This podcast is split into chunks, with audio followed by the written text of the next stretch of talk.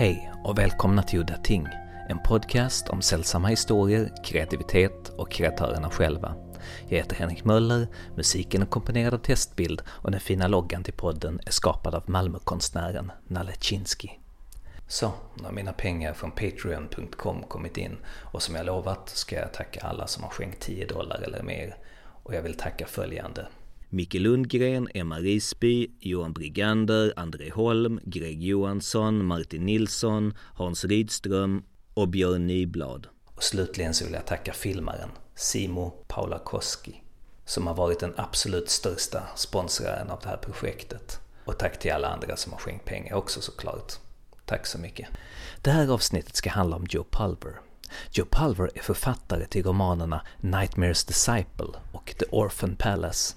Men mest är han kanske känd som förläggare till samlingar som Grim Scribes Puppets, en hyllning till Thomas Ligotti, och A Season in Carcosa som bygger vidare på Robert Chambers The King in Yellow-historier.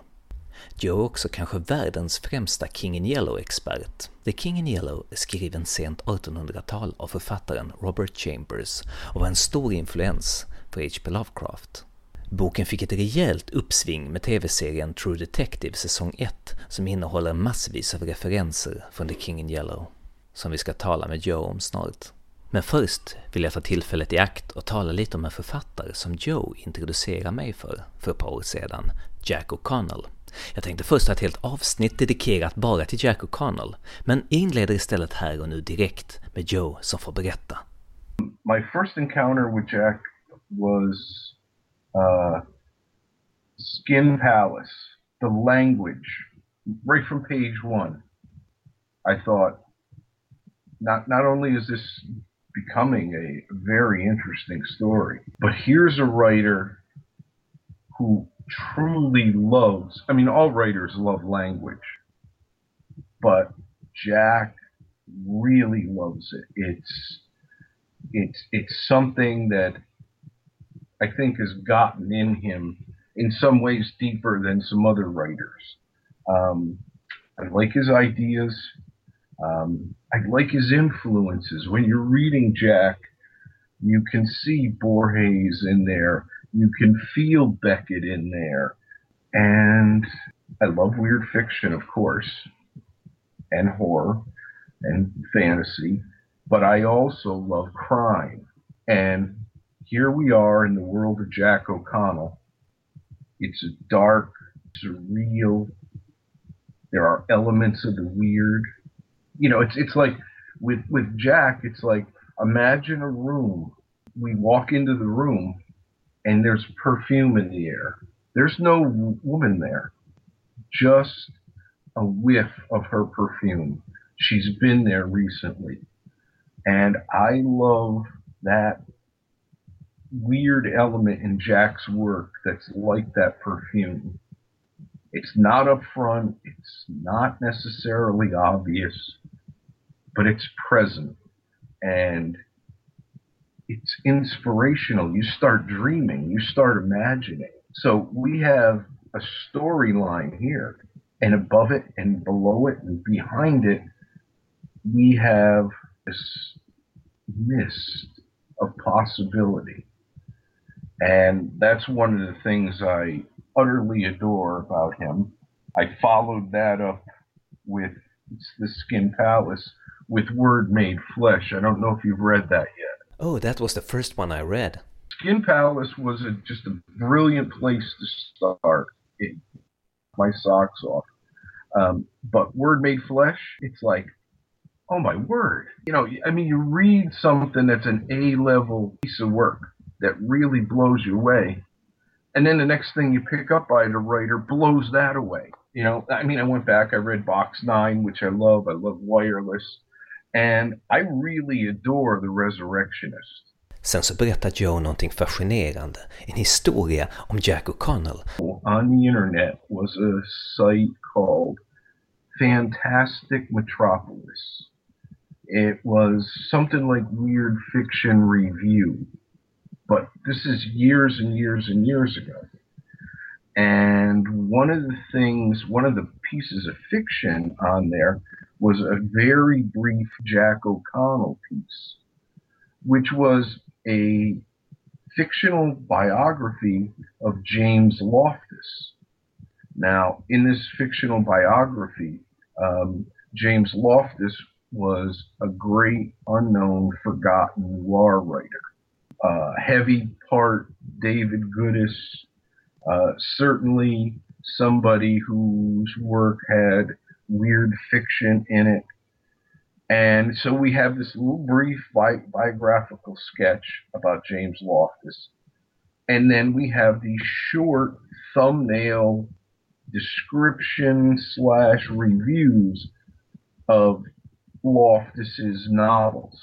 And, and of course, even though this is such a short piece and it's so, it, it's just almost straight criticism. You're re- by, by the time you get to the end of this, you want to read these eight books in the worst way. It's like, I want to read that book. I want to read that book. I want to read. I want, I want to.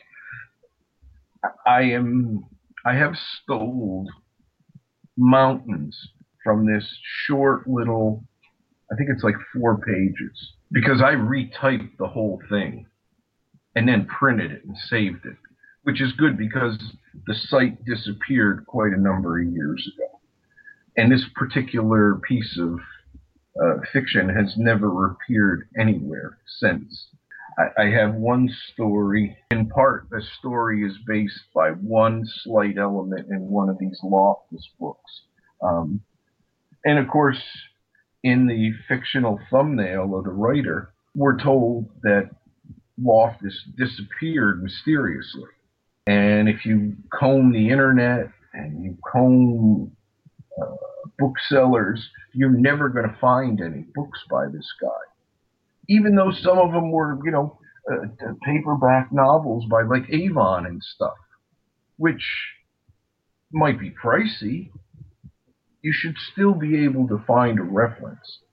And it's like, you know, you're going to comb through everything in the universe and whether money is no object or not, you're still never going to find anything.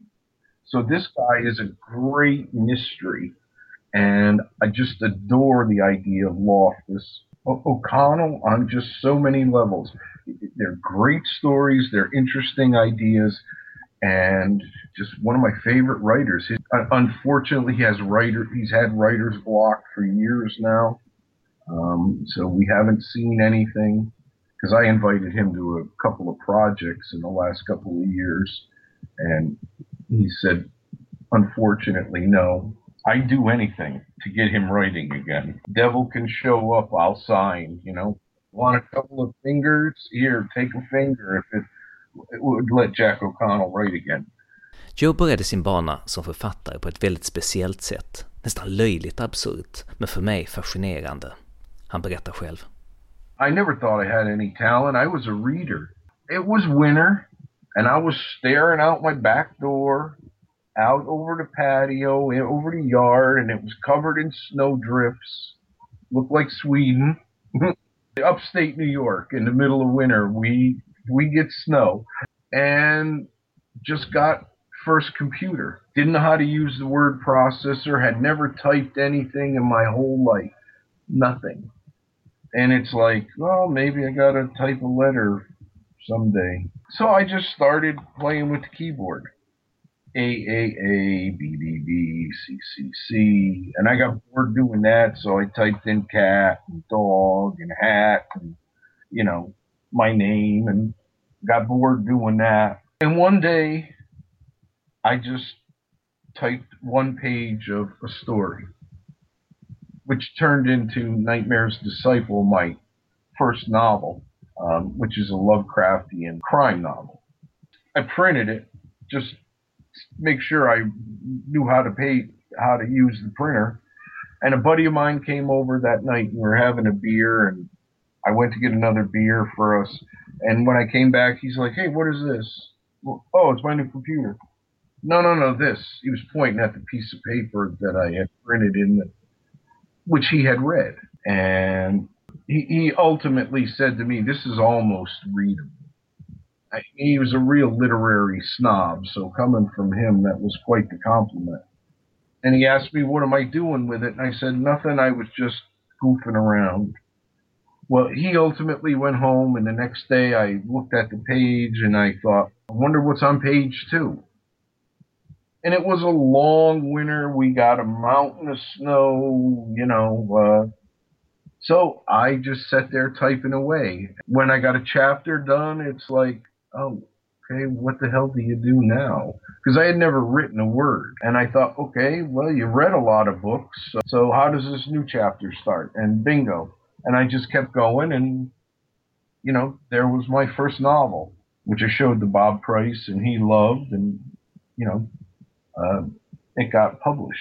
You know, sometimes some people play solitaire just to, well, I was typing a novel for the hell of it as, as a, as a private amusement and of course, then it came out, and all of a sudden it's like, oh, okay, well, I guess I got to write something else now. Tell me about your second novel, The Orphan Palace. In in the Loftus thing I was telling you about, he has a, a hotel in there. In another one of the thumbnails of one of the books, he mentions Kafka, and I thought, I want to write a story about a chain of hotels and I want them all to look the same, like hotels in America look. You know, if you stay in a Motel 6, they all look the same, you know. Except for when you go in, I want little weird changes, just variations. And I want the same desk clerk in every hotel. And I want her to be named Kafka. And I don't know why, but so I had that. And it's like I was rereading Skin Palace I had just reread it. I had put it away, and a few days later, I drove by a brick building, three story brick building, which made me think about an orphanage that I had to stay in for almost a month when I was a little kid. My mother was very ill and had to have an operation, and there was no relatives. So I was put into a, an orphanage because there was nowhere else to put me um, for a few weeks. And it was utter hell not that it was a bad place and I wasn't abused, but I was like eight years old and it was scary and I didn't know anybody. And I'm not saying that the staff of the place was bad, but I wouldn't call them friendly either. You know, they, they had a job to do. So I was thinking about this chain of hotels, and at the same time, I was thinking about orphanages. Somehow I decided and I thought, well, I already wrote a serial killer novel, Nightmare's Disciple. I need to write something different. I thought, oh, this would be a novel about being on the road, and that way we can stop in all these hotels, and maybe we're an orphan. And once we were an orphan, we had baggage, of course, psychological baggage. And I decided, well, we're on the road, we're traveling. Where are we traveling? let's go back to where we acquired this baggage, which is the orphanage. And of course, I'm me, so that wasn't going to end well. So he became a serial killer. Format wise, I wanted to do something different. So it almost reads like a long prose, like a 400 page prose poem instead of a novel. You know, uh, I mean, you certainly have regular sized paragraphs here and there, but you have a lot of places in the Orphan Palace where it's eight one word paragraphs in a row, where I can manipulate you psychologically as a reader. You string you string eight one word paragraphs together, all of a sudden you're reading a lot faster. So if I want you to move, if I want you going faster, my character's running. Well, I can make you run visually by how fast I make you run on the page. Now, some might see that as a parlor trick, but my my job, the job of literature, is to tell you a story, and it's also my job to use all the tools that I have and use them as well as I can. If if I can use the page as a canvas as well as a page, then perhaps I can elicit more feeling from you. Som sagt, Joe är en av världens ledande experter på The King in Yellow. The King in Yellow är en bok som Lovecraft gillade och lånade ifrån. The King in Yellow är svår att definiera. Det är alltså en pjäs som likt Lovecrafts egen fiktiva bok Necronomicon driver läsaren till vansinne. Lovecraft hade inte läst The King in Yellow när han hittade på Necronomicon, men senare, när han skrev den korta texten The History of the Necronomicon, så lade han skämtsamt till att Chambers hade inspirerats av Necronomicon när han sedan skrev sin fiktiva bok The King in Yellow. Anledningen till att den är svår att berätta om och sammanfatta är för att The King in Yellow är uppbyggd av tio korta historier och bara fyra av dem som jag minns är kopplade till The King in Yellow-mytologin. De utspelar sig i mitten av 1920-talet, vilket alltså är i framtiden eftersom boken skrevs på 1890-talet. De två intressanta historierna av de här tio då, det är The Repairer of Reputations och den andra är The Yellow Sign. Dessa historier är också svåra att sammanfatta, så därför hintar jag om att historien The Yellow Sign handlar om en likvagnskusk, så spöklik att han beskrivs som en likmask. Han hemsöker en konstnär och hans modell och efter att de har läst den förbannade pjäsen The King in Yellow anländer han till deras bostad som en sorts lieman och tar dem med sig. Det låter ju inte så fantastiskt när man berättar om det så här men The Yellow Sign är faktiskt, i alla fall bitvis, riktigt obehaglig och spännande. Det ska tilläggas att vad som exakt händer och varför är svårt att vara säker på för samtliga berättare i historien är alltså inte pålitliga. Unreliable narrators som det kallas på engelska. Det är alltså för att vi förstår att de är sinnessjuka när de återberättar sina historier för oss. Den fördömda pjäsen The King in Yellow får vi bara bitvis delar och namn på ur historiens gång. För att som sägnen säger, att läsa hela pjäsen skulle innebära att man blir sinnessjuk. Så vad vet vi om pjäsen? Pjäsen utspelar sig i en fiktiv värld i staden Yttil någon gång någonstans där den kungliga familjen får höra om en mystisk främling som bär en slät mask och det skräckinjagande tecknet, the yellow sign. Samtidigt som en mystisk stad uppenbarar sig tvärs över sjön. Historien innehåller karaktärerna drottningen, Alar, Dale, U, Casilda, Aldones och Camilla. När det visar sig att den släta masken inte är en mask utan är främlingens verkliga ansikte torterar drottningen honom för information tills han dör. Staden på andra sidan sjön försvinner då och den mystiska varelsen, The King in Yellow, uppenbarar sig och deklarerar att Githil inte längre existerar. Nu finns bara Carcosa vid sjöns rand. Samtliga karaktärer förlorar då förståndet. Så, nu till pjäsen. Ur akt 1, scen 2, kommer den numera kända delen Casildas Song som citeras i flera sammanhang. Strange is the night where black stars rise and strange moons circle through the skies but stranger still is lost Carcosa. Så, vad är nu Carcosa? Carcosa är en fiktiv stad ursprungligen från författaren Ambrose Bierce historia An Inhabitant of Carcosa, som sedan Robert Chambers och senare Lovecraft lånade ifrån och använde i sina egna historier. Nu kan man undra vad den här grejen med temat gult är, The King in Yellow. Alltså 1890-talet var alltså känt som the Yellow 90s. Bland annat så fanns det en typ av journalistik som kallades Yellow Journalism. Och det var den tidens skrämseljournalistik om katastrofer och mord för att sälja tidningar. Sedan så finns det sedan urminnes tider tillbaka en färg inom oljemåleriet som heter Kings Yellow och är gjord på mineral som heter Orphiment som är gul och eftersom det är en arsenikmalm så var den väldigt populär i detektivromaner som ett gift. Och kanske just därför, senare i kioskdeckarna, alltså att kioskdeckarna de, de var ju oftast gula till omslaget, som till exempel Giallo-romanerna i Italien. Sedan så är ju gult en signalfärg som även användes i PR-sammanhang för att få något att sticka ut.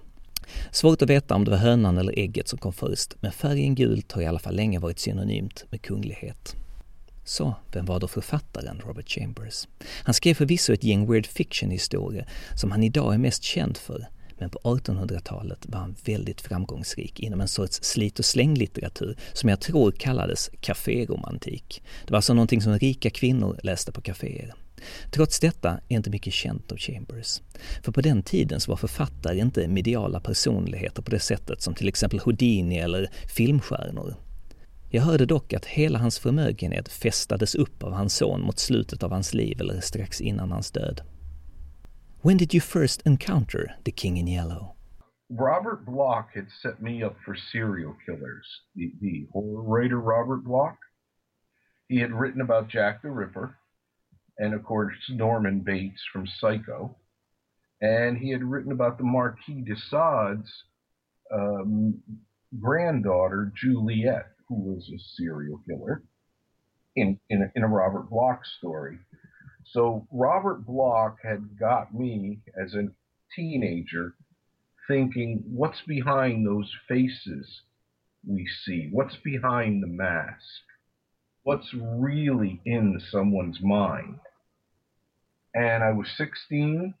I was at a camp, sitting on a lake, moon shining down, reading an old paperback anthology. It had a story by Robert W. Chambers, The King in Yellow.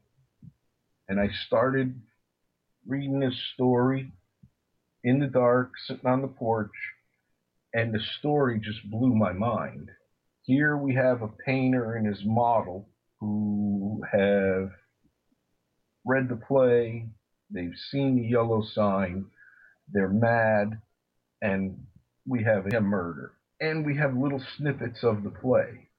And, and this is kings and queens and princesses. And there's a question about succession to the throne and who's going to take over the dynasty. So we know that in the King and Yellow play, there's this ball that's going to happen, and people are going to unmask when the Yellow King arrives. So I must ask you, what is it about Chambers, the King in Yellow, that you find so fascinating? I was just always fascinated by the play. The play doesn't answer any questions.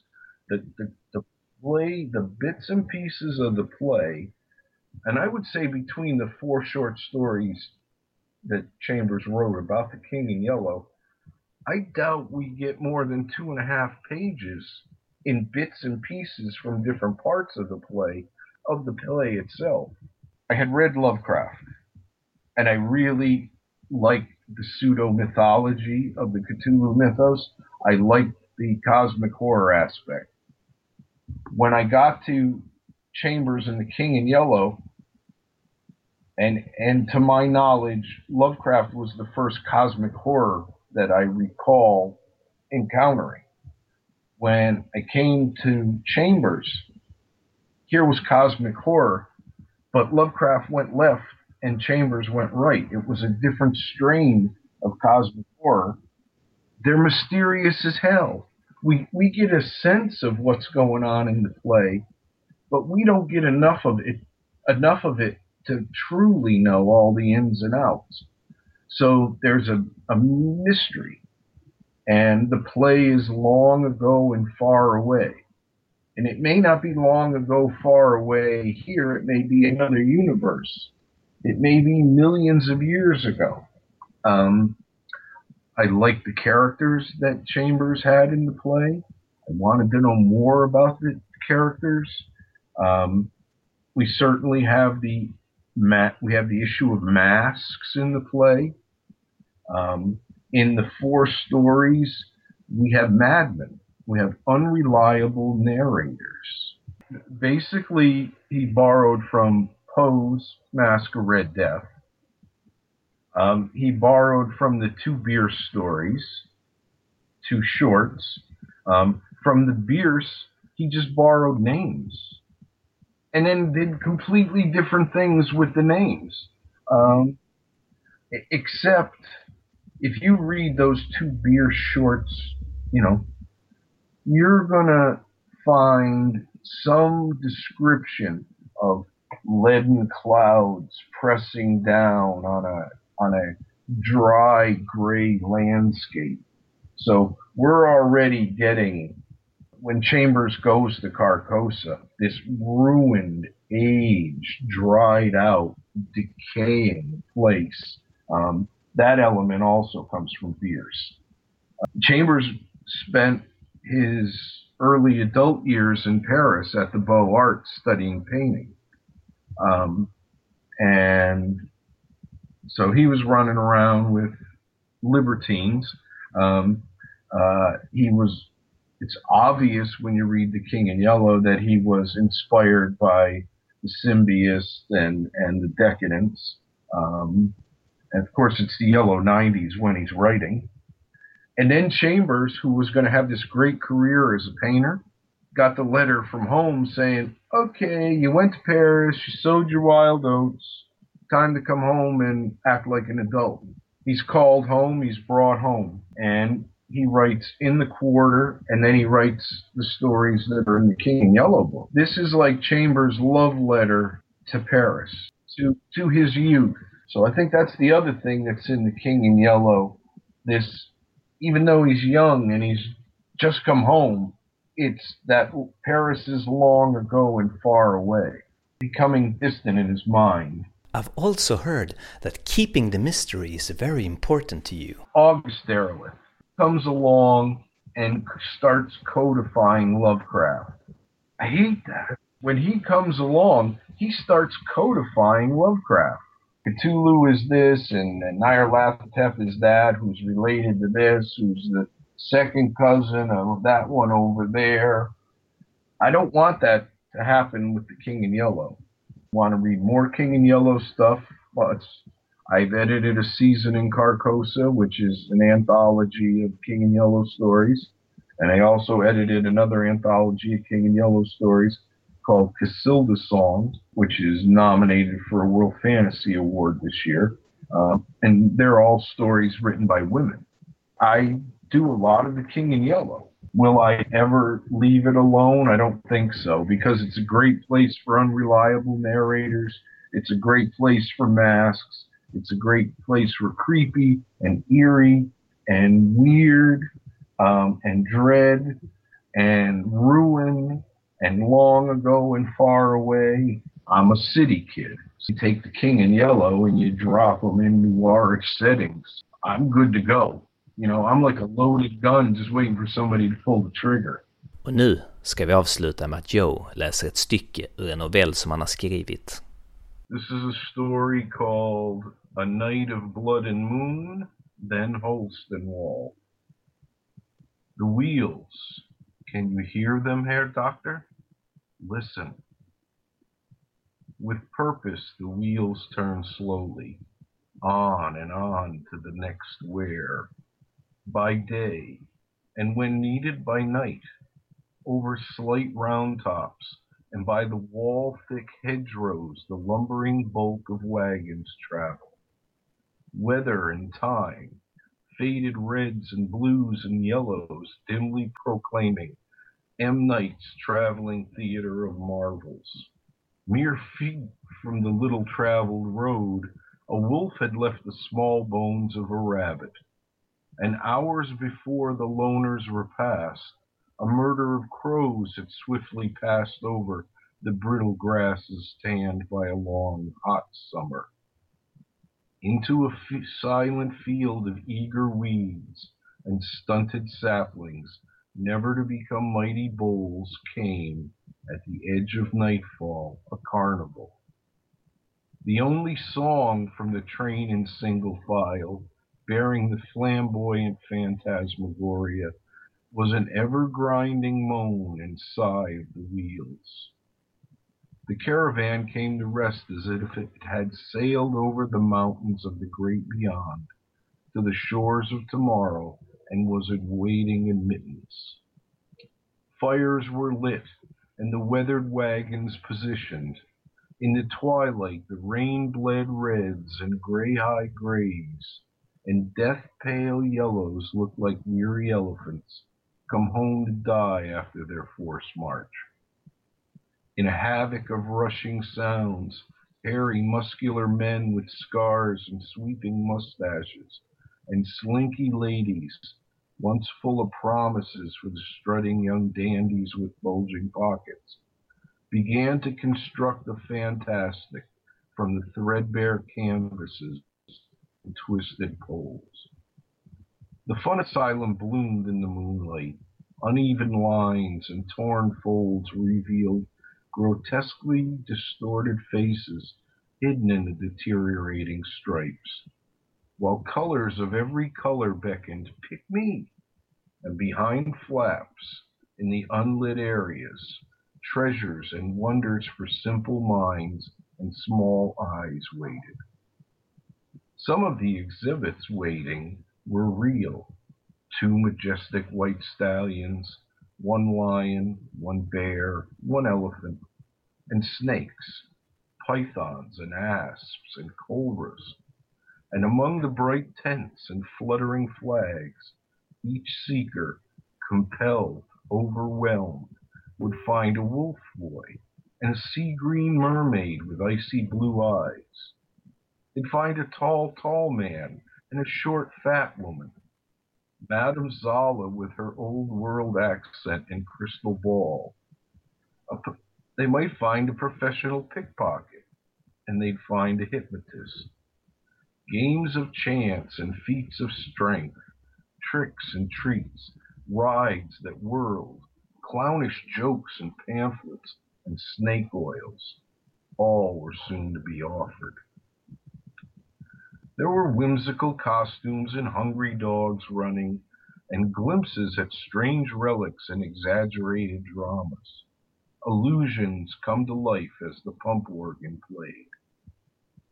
And in a wagon behind the torchlight and all the other wagons was a jaded practitioner of an ancient carnal art. All would be bright or ominous for the silver coins of the curious. By noon tomorrow the siege would begin. The ringmaster walked in the strong moonlight, no clouds, no threat of rain. Low in harmony with the warm southerly breeze, he whispered, Step right up, my friends, step right up for thrills or shocks. He could hear the youth's ahs ah, and burning coins jingling. He smiled tomorrow and tomorrow night and the night after. In the sleeping town beyond the hill, children besotted little Moss, Conrad and Carl, Floria and Anna, and a hundred others, fitful in their small beds, dreamed of the gaudy performances the new morning would bring. The world outside their dusty village was but a dream away. Stars chilled by the black canvas of the heavens did not move above the earth. But fireflies, like warm decorations of spring poems, were nimble as they moved like hungry fingers in the valley. On the boards of his crudely painted stage he was poised, as still as a statue in an old museum, staring gazing on the faces of a thousand ghosts who had stood before him and stared back in amazement. The clawing features of a few hopeful but melancholy acrobats sucked in the siren promise. Dr. Caligari's smile was a hiss, death stern. With a theatrical gesture, he struck his crooked staff seven times upon the stage and listened to the muted thunder crack echo. There was no fire burning in the braziers set to the left and right of the small stage. No exotic fragrance from foreign towns filling the air with Eastern mystery. That would happen tomorrow, while anxious eyes collected before the unopened curtain, while they waited and whispered. Though he uttered not a word, Dr. Caligari heard his voice boom in the silent tent. With a grand sweep of his gloved hand, he whisked his Mad Hatter top hat from his head and bowed slightly. Ladies, he smiled, and gentlemen, his features were weighted by a detached and bitter expression. Children, another smile. Step right up. Beyond, in the ink of night, lurk spirits. But here, and he pointed to the lightning pinwheel painted at his feet center stage. In the minds of men, waiting to be transformed by the power of my voice, lie delights and nightmares. Ja, det var allt för den här gången. Jag heter Henrik Möller, musiken är skriven av Testbild. Hej då.